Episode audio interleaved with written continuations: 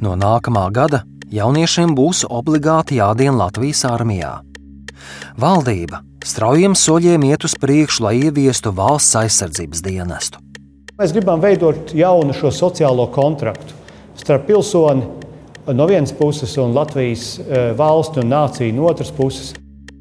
Vispārējo karaklausību politiķi īstenos pēc Somijas parauga. Sort of Ja mēs paskatāmies uz Somiju, tad ir pilnīgi nepieņemama jebkāda veida fiziska izreikināšanās un necilvēciska attieksme pret karavīriem.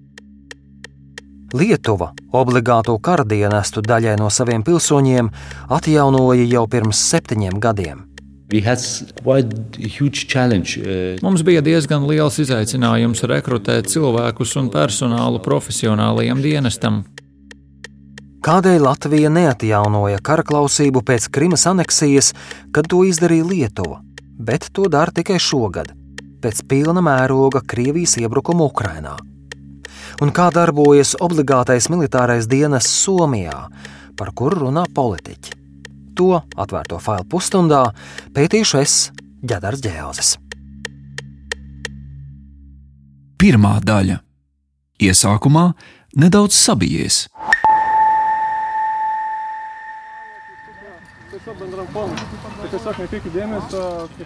Ir augusta beigas, un esmu atbraucis uz Lietuvas pilsētu Kaunu.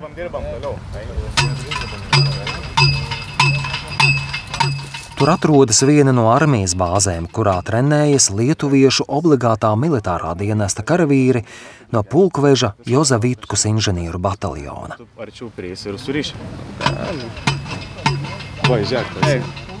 Viņi trenējas uzsliet šķēršļu joslu, dzēn zemē metāla stabus un ierīkot dzeloņstieples.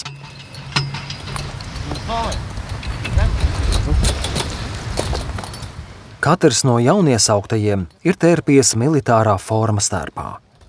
Mugurā ir bruņu veste, vidukli apjoš kabatas ar piedrumiem, galvā ir ķivere un uz acīm aizsargbrilles. Bet labo plecu rotā mazs Lietuvas karodziņš. Es uzrunāju vienu no bataljona karavīriem, 21 gadu veco ierindnieku Laurīnu Lukaševiču. Es sāku dienēt šā gada iesākumā, marta beigās. Tas ir deviņu mēnešu dienests, kas man beigsies nākamā gada februārī.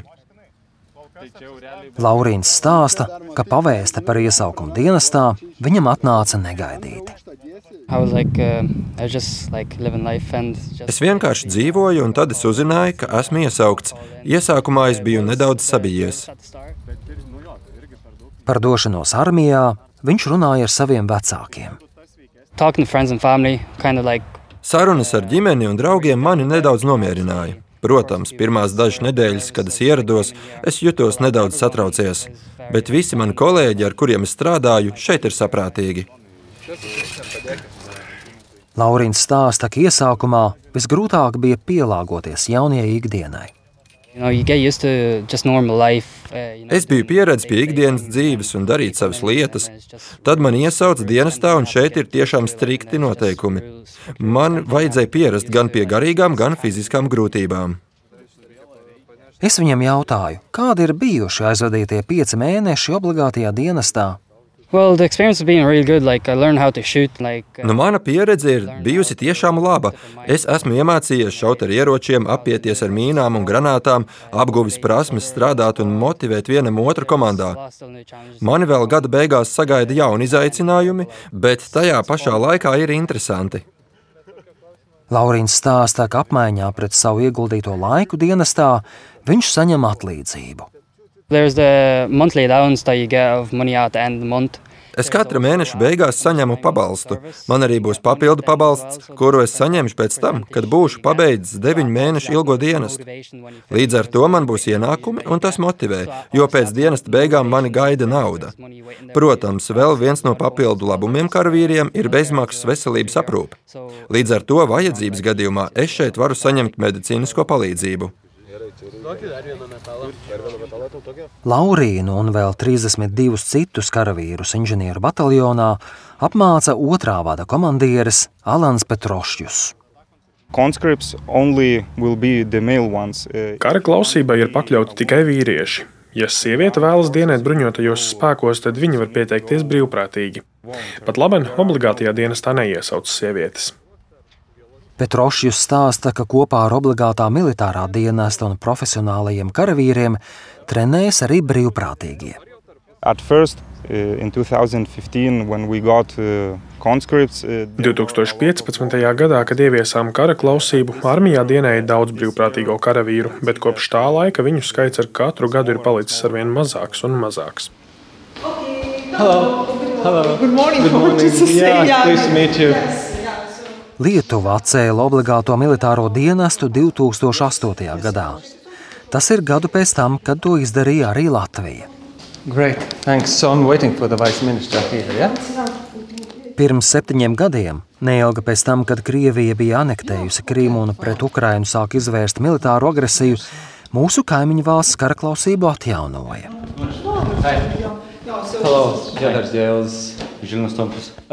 Viņā satieku aizsardzības ministra vietnieku Žilvinu Tomkus. Viena no lielākajām problēmām, kas mums ir bijusi Lietuvas bruņotajos spēkos, ir grūtības sakomplektēt militāro vienību sastāvu. Viņš stāsta, ka no nepilnu triju miljonu lielā iedzīvotāju skaita arvien mazāk lietuviešu vēlas savu dzīvi saistīt ar armiju.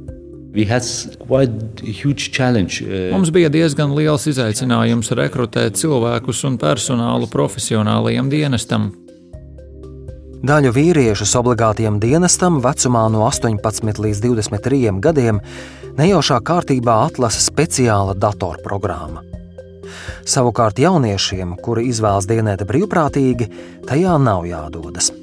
Turpina Žilvins Tomakus.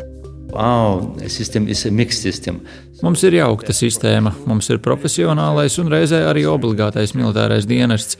Tas mums palīdz noklāpēt vienības. Šī sistēma rada arī tādu kā resursu profesionālajiem dienestam un palīdz nodrošināt pietiekamu rezervistu skaitu. Aktīvo rezervistu skaits Lietuvā pēdējos gados ir pieaudzis uz pusi un šodien sasniedz 5000. Profesionālajā armijā ir gandrīz 12,000, bet obligātajā militārajā dienestā ik gadu iesauc apmēram 4000 karavīru. Ar to gan var nepietikt. Actually... Uh, Pat labam sabiedrībā ir diskusija par to, vai mums vajadzētu pāriet uz pilnīgu kara klausību. Tas nozīmē iesaukt dienestā ikvienu, kurš sasniedz 19 gadu vecumu, iespējams, kā arī sievietes. Toms Jeremalavičs ir pētnieks no Starptautiskā aizsardzības un drošības centra Igaunijā. We see what kind of a scale of war can happen in Europe. Mēs tagad redzam, kāda mēroga karš var notikt Eiropā un cik daudz cilvēku resursu tas prasa, lai īstenotu uzticamu pašaizsardzību. Un kļūst skaidrs, ka ar tiem salīdzinoši nelielajiem bruņotajiem spēkiem, kādi ir Lietuvai, vienkārši var nepietikt. Pagaidām Lietuvas politiķi vēl nav nolēmuši ieviest pilnīgu kara klausību. Tomēr Jermalavičs uzskata, ka no dzimuma līdztiesību viedokļa armijā būtu obligāti jādien arī sievietēm. Uh. Ziniet, mēs vienkārši paši sevi apdalām. Mēs daļu cilvēku izslēdzam un aprobežojamies ar pusi no tā talantu resursa, kas mūsu bruņotajiem spēkiem būtu pieejams. Viņš stāsta, ka arī Lietuvas konstitūcijā ir teikts, ka jebkuram pilsonim ir tiesības un pienākums aizstāvēt savu valsti. Mūsdienās mēs redzam, ka Zviedrija atgriežas pie obligātā militārā dienesta, un arī Norvēģija maina savu kara klausības modeli. Abās valstīs obligāts dienests ir arī sievietēm. Otra daļa - viņiem nebūtu nekādu izredzu.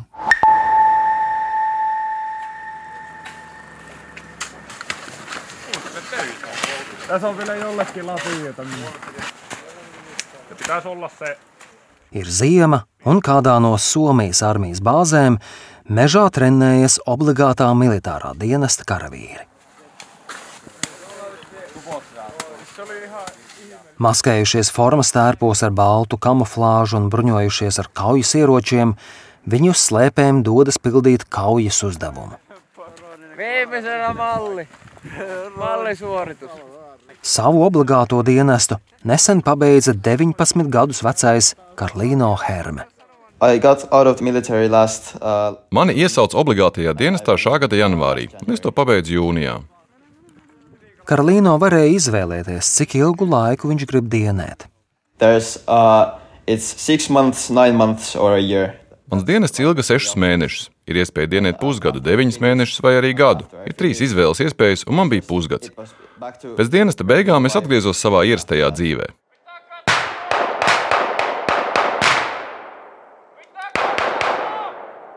Militāro apmācību vietā viņš varēja doties arī uz civilo dienestu un darīt sabiedrisko darbu.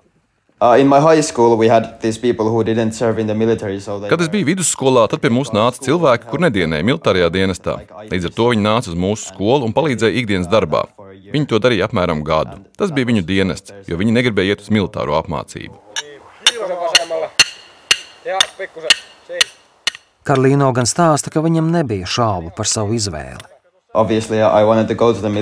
Because... Protams, ka es gribēju iet uz militāro apmācību, jo visi izvēlas militāro treniņu. Arī viņam, gluži tāpat kā Laurīnam Lietuvā, bija zināms satraukums pirms dienas sākuma, un tuvinieki viņu uzmundrināja. Turpina Karlīno. Viņi bija ļoti atbalstoši, it īpaši mamma. Patiesībā viņa bija ļoti sapriecājusies un man iedrošināja.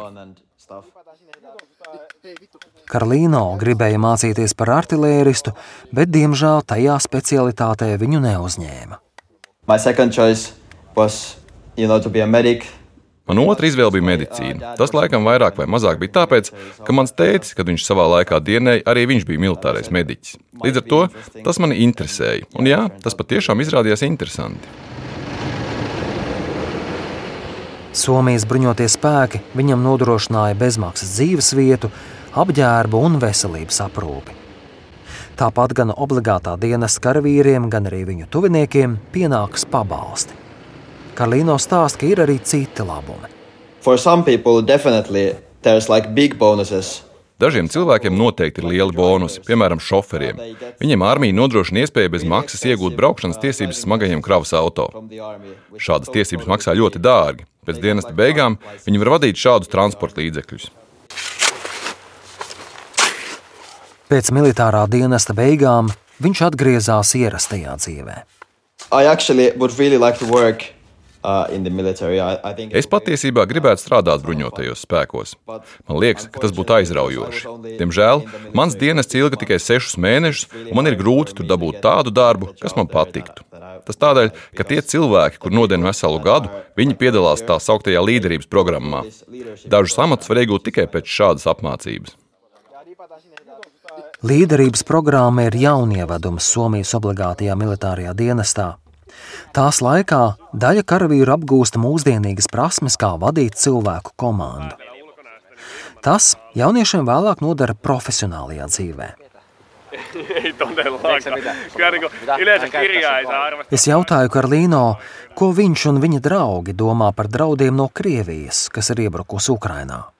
Obviously, we have discussions with our friends about Russia invading us. Protams, draugu lokā esam runājuši par to, ka Krievija mūs okupēs, bet tas vairāk vai mazāk ir bijis joku līmenī. Ja godīgi, es neesmu īpaši satraucies, un es nedomāju, ka Krievija kādreiz pie mums iebruks. Un es domāju, ka viņiem nebūtu nekāda izredzu, jo Somijas apvidus Krieviem būtu ļoti sarežģīts karošanai. Es domāju, ka mēs esam diezgan spēcīgi.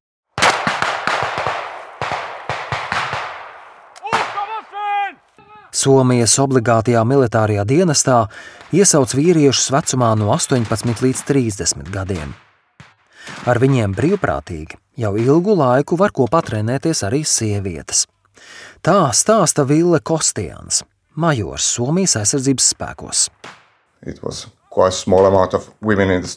Pašā sākumā pieteicās diezgan neliels skaits sieviešu, bet tagad ir apmēram tūkstotis gadā, un viņu skaits ar katru gadu palielinās. Ville Kostians stāsta, ka bruņotie spēki vēlas piesaistīt vairāk sieviešu ne tikai tādēļ, lai palielinātu dzimumu vienlīdzību un vairāk iesaistītu sabiedrību, bet arī palielinātu aizsardzības spēku rezerves. Mēs katru cilvēku apmācām pildīt kara laika pienākumus, un mēs ne tikai trenējam katru karavīru karot atsevišķi, bet mācām viņus sadarboties savā vienībā, un šī vienība kļūst par gatavu rezervi. No vairāk nekā 5,5 miljoniem iedzīvotāju Somijas kopējās armijas rezerves sasniedz apmēram 900 tūkstošus cilvēku. Ja mums ir vajadzība, tad mēs uz konfliktu varam sūtīt šo pašu rezerves vienību. Katru gadu obligāto dienestu iziet apmēram 20 tūkstoši jauniešu. Daļa no viņiem pēc tam pievienojas profesionālajai armijai, kurā ir vairāki tūkstoši militāru personu. Bet kara gadījumā bez rezervēm Somijai uzreiz ir pieejami 200 tūkstoši karavīru. Es jautāju Vilēm Kostijanam, kā bruņotajiem spēkiem ir izdevies sasniegt tādus rezultātus. Uh, Mums ir diezgan laba apmācības kvalitāte, un nozīme ir arī vēsturiskajai pieredzei.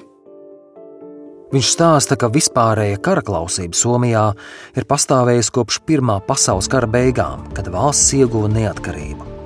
Savu lomu spēlēja arī Ziemas karš, kad Somija atvairīja padomju armijas uzbrukumu. Jau no paša sākuma un pēc otrā pasaules kara Somijam ir bijis uzskats, ka tas ir pagodinājums dienēt Somijas bruņotajos spēkos. Savukārt bez obligātā militārā dienesta neveidotos armijas rezerves un Somija praktiski paliktu bez aizsardzības. Iedzīvotājiem ir ļoti izteikta apziņa, ka Somija ir jāaizstāv. Tas, ka Somija saglabā neatkarību, tā ir vērtība. Stāsta vadošais pētnieks Somijas Startautisko attiecību institūtā Čārlis Salonijus Pasternaks. That, But... Ņemot vērā valsts izmēru, it īpaši asimetriju ar mūsu pretinieku, Padomju Savienību toreiz un varbūt Krieviju tagad, tad kļūst skaidrs, ka vienīgais, kā aizstāvēties, ir ar lielu armiju. Viņš stāsta, ka, lai veiksmīgi darbotos šī sistēma, ļoti svarīga ir pašu karavīru pieredze obligātajā dienestā. Finland, Raugoties no Somijas viedokļa, mēs ar šausmām skatāmies uz to, kā pret jauniesauktējiem karavīriem ir izturējušies Krievijā un kā pret viņiem turpina izturēties šodien. Tas ir pilnīgi neiedomājami. Atslēga pēc Čārlija Salonijas Pasternaka teiktā slēpjas tajā, ka armijas personāls cieņpilni izturas pret jauniesauktējiem un ievēro viņu tiesības. Any sort of Ja mēs paskatāmies uz Somiju, tad ir pilnīgi nepieņemama jebkāda veida fiziska izreikināšanās un necilvēciska attieksme pret karavīriem.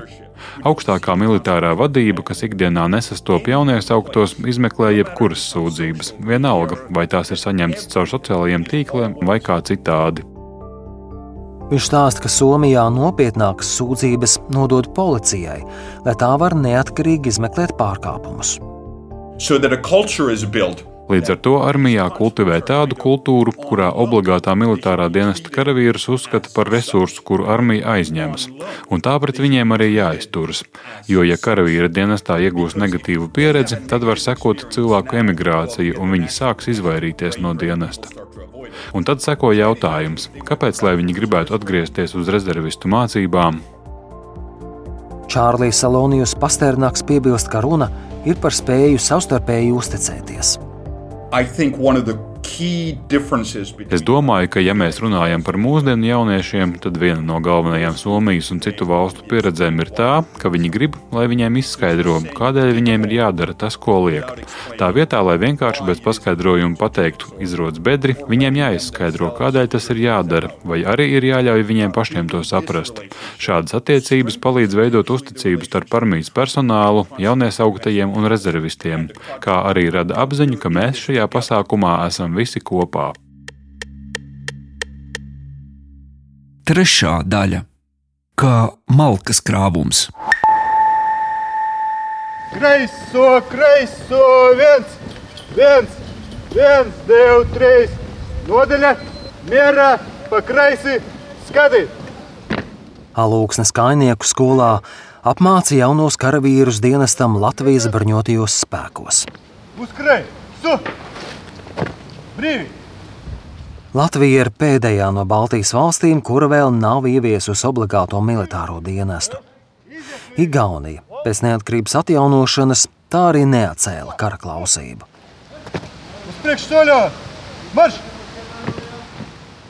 Latvija savu aizsardzību balsta uz profesionālo armiju, kurā ir apmēram 6000 militāru personu.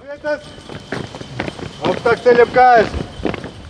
Zemesardzē brīvprātīgi dien vairāk nekā 8000 karavīru, bet rezervē atrodas virs 6000. Īsāk sakot, Latvijas aizsardzība, ja runā par sauszemes spēkiem, balstās uz apmēram 10 tūkstošiem karavīru. Salve!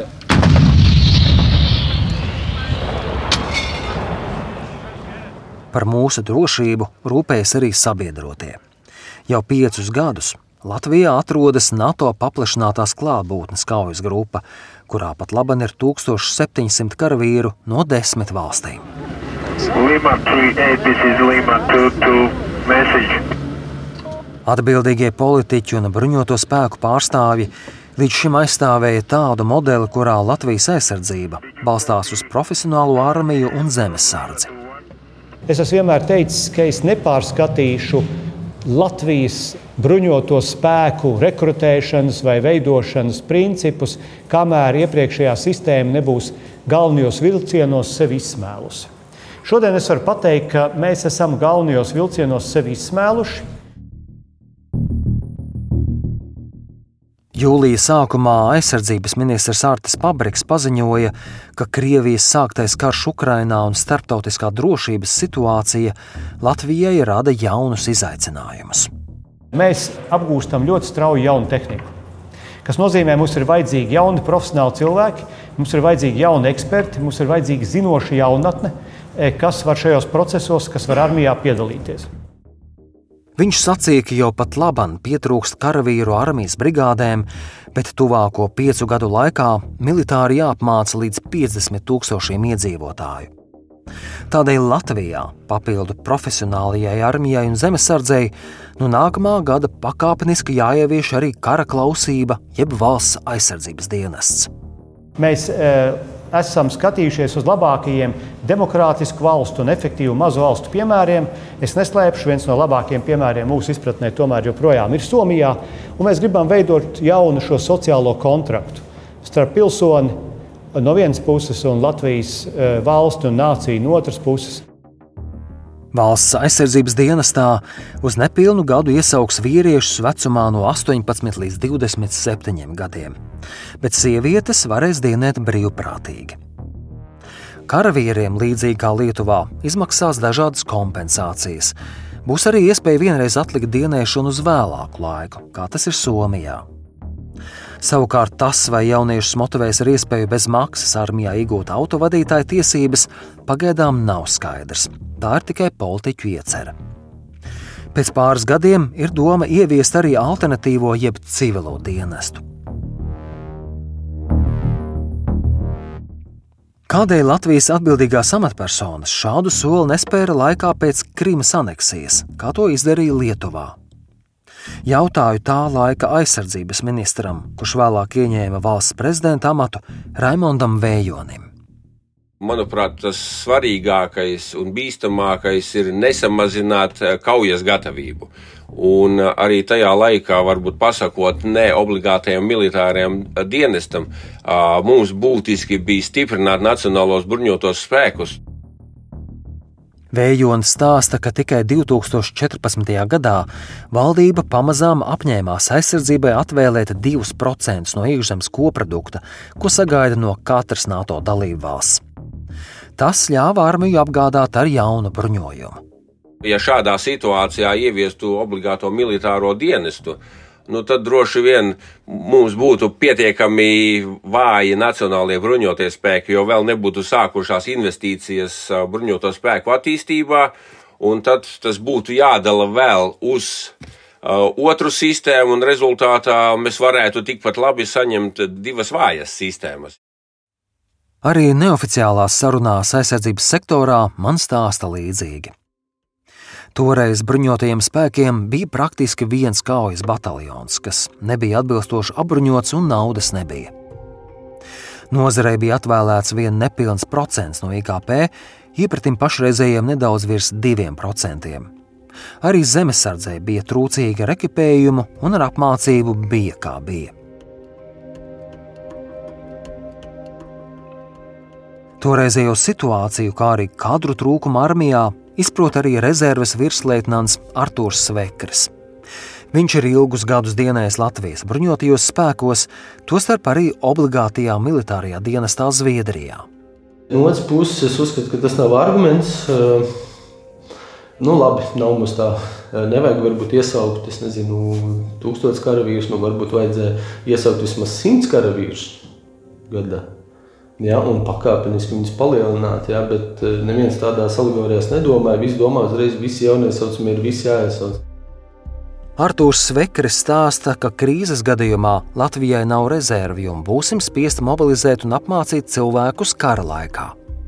Ja mēs teiksim tā, kaut vai no 2014. gada būtu katru gadu vienu rotu apmācījuši, ja, mums eh, praktiski rezervē būtu pusotras bataljons. Tā kā, tas ir kā malks krājums, liek, liek pa pagalītēm, un kamēr malks krājums tiek izveidots. Ja. Kamēr bruņotie spēki caur obligāto dienestu audzē rezervi, sabiedrība tikmēr iegūst lielāku izpratni par militāro jomu. Joprojām nav bumbu patvērsme. Ja? Visā Skandināvijā ir obligāta prasība. Un, tā, būvprojektus apstiprina arī aizsardzības ministrijas, nu, teiksim, tā kompetencās iestādes, lai tur būtu bumbu patvērsmes. Artūrs Svekris stāsta, ka runa ir par strateģiski svarīgu objektu būvniecību, piemēram, dzelzceļa mezgliem vai tiltiem. Diemžēl mums tilts būvē bez kaut kādām teiksim, aizsardzības ministrijas kompetentām iestādēm, ne ceļi tiek strateģiski saskaņoti, ne, ne, ne tam līdzīgi. Sabiedrībai vienkārši nav tās izpratnes. Līdz ar to obligātais dienas, tas ir arī iespēja paplašināt, iedot teiksim, militāro kompetenci sabiedrībā. Viņa prāta būtu labi ieviest tradīciju, ka jaunieši iziet obligāto dienestu. Vispirms gan iedzīvotāji jāizglīto, lai kliedētu negatīvu attieksmi, kas sakņoja stereotipos par padomju laika armiju. Turpina Artošs Svekars. Tas ir tāpat kā, nu, atceramies, kādreiz mēs arī nelietojam drošības jostu 90. gados. To ļoti labi atceros. Tad Caur sociālām kampaņām, caur eh, zināšanām, caur drošu braukšanas skolu mēs mācām cilvēkiem, ka rekur nepiesprādzēties ir ļoti slikti. Tagad es nevienu nezinu, kas ne, nepiesprādzētos. Ja? Līdz ar to arī obligātais dienests nu, kaut kur jāsāk jāinformē. Arī viņš uzskata, ka vislabāk palīdzētu tieši pašu jauniešu stāsti par pozitīvo pieredzi valsts aizsardzības dienestā ir vienkārši jāpublisko, ka tas ir itīgi forši, ka tas ir moderni un ka tas ir vajadzīgs valstī. Ka tā ir daļa no mūsu izdzīvošanas, ka tā ir daļa no maksa par mūsu brīvību, maksa par, par mūsu demokrātiju. Un mums katram ir jāsamaksā, lai mēs saglabātu šo brīvību arī nākamos daudz, daudz gadus. Bet Ko sagaidīt tiem jauniešiem Latvijā, kuri nākamgad kļūs par pirmajiem karavīriem valsts aizsardzības dienestā? Savs ieteikums ir Laurīnam Lukaševičam no militārās bāzes Kaunijā. Pēc pirmā mēneša jau pierod pie jaunās rutīnas, stingrības un tādām lietām. Tas noteikti ir tā vērts, jo var iemācīties lietas, kuras noderēs vēlāk dzīvē. Tā kā es teiktu, ka noteikti nav vērts raizēties. Tikmēr Karolīno Herme no Somijas iesaka doties dienēt ar atvērtu prātu.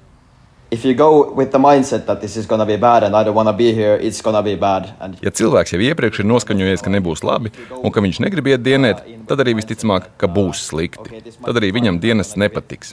Bet, ja iet ar domu, ka tas būs interesanti un es tajā ar pilnu krūti piedalīšos, tad arī būs aizraujoši. Vismaz man tā bija.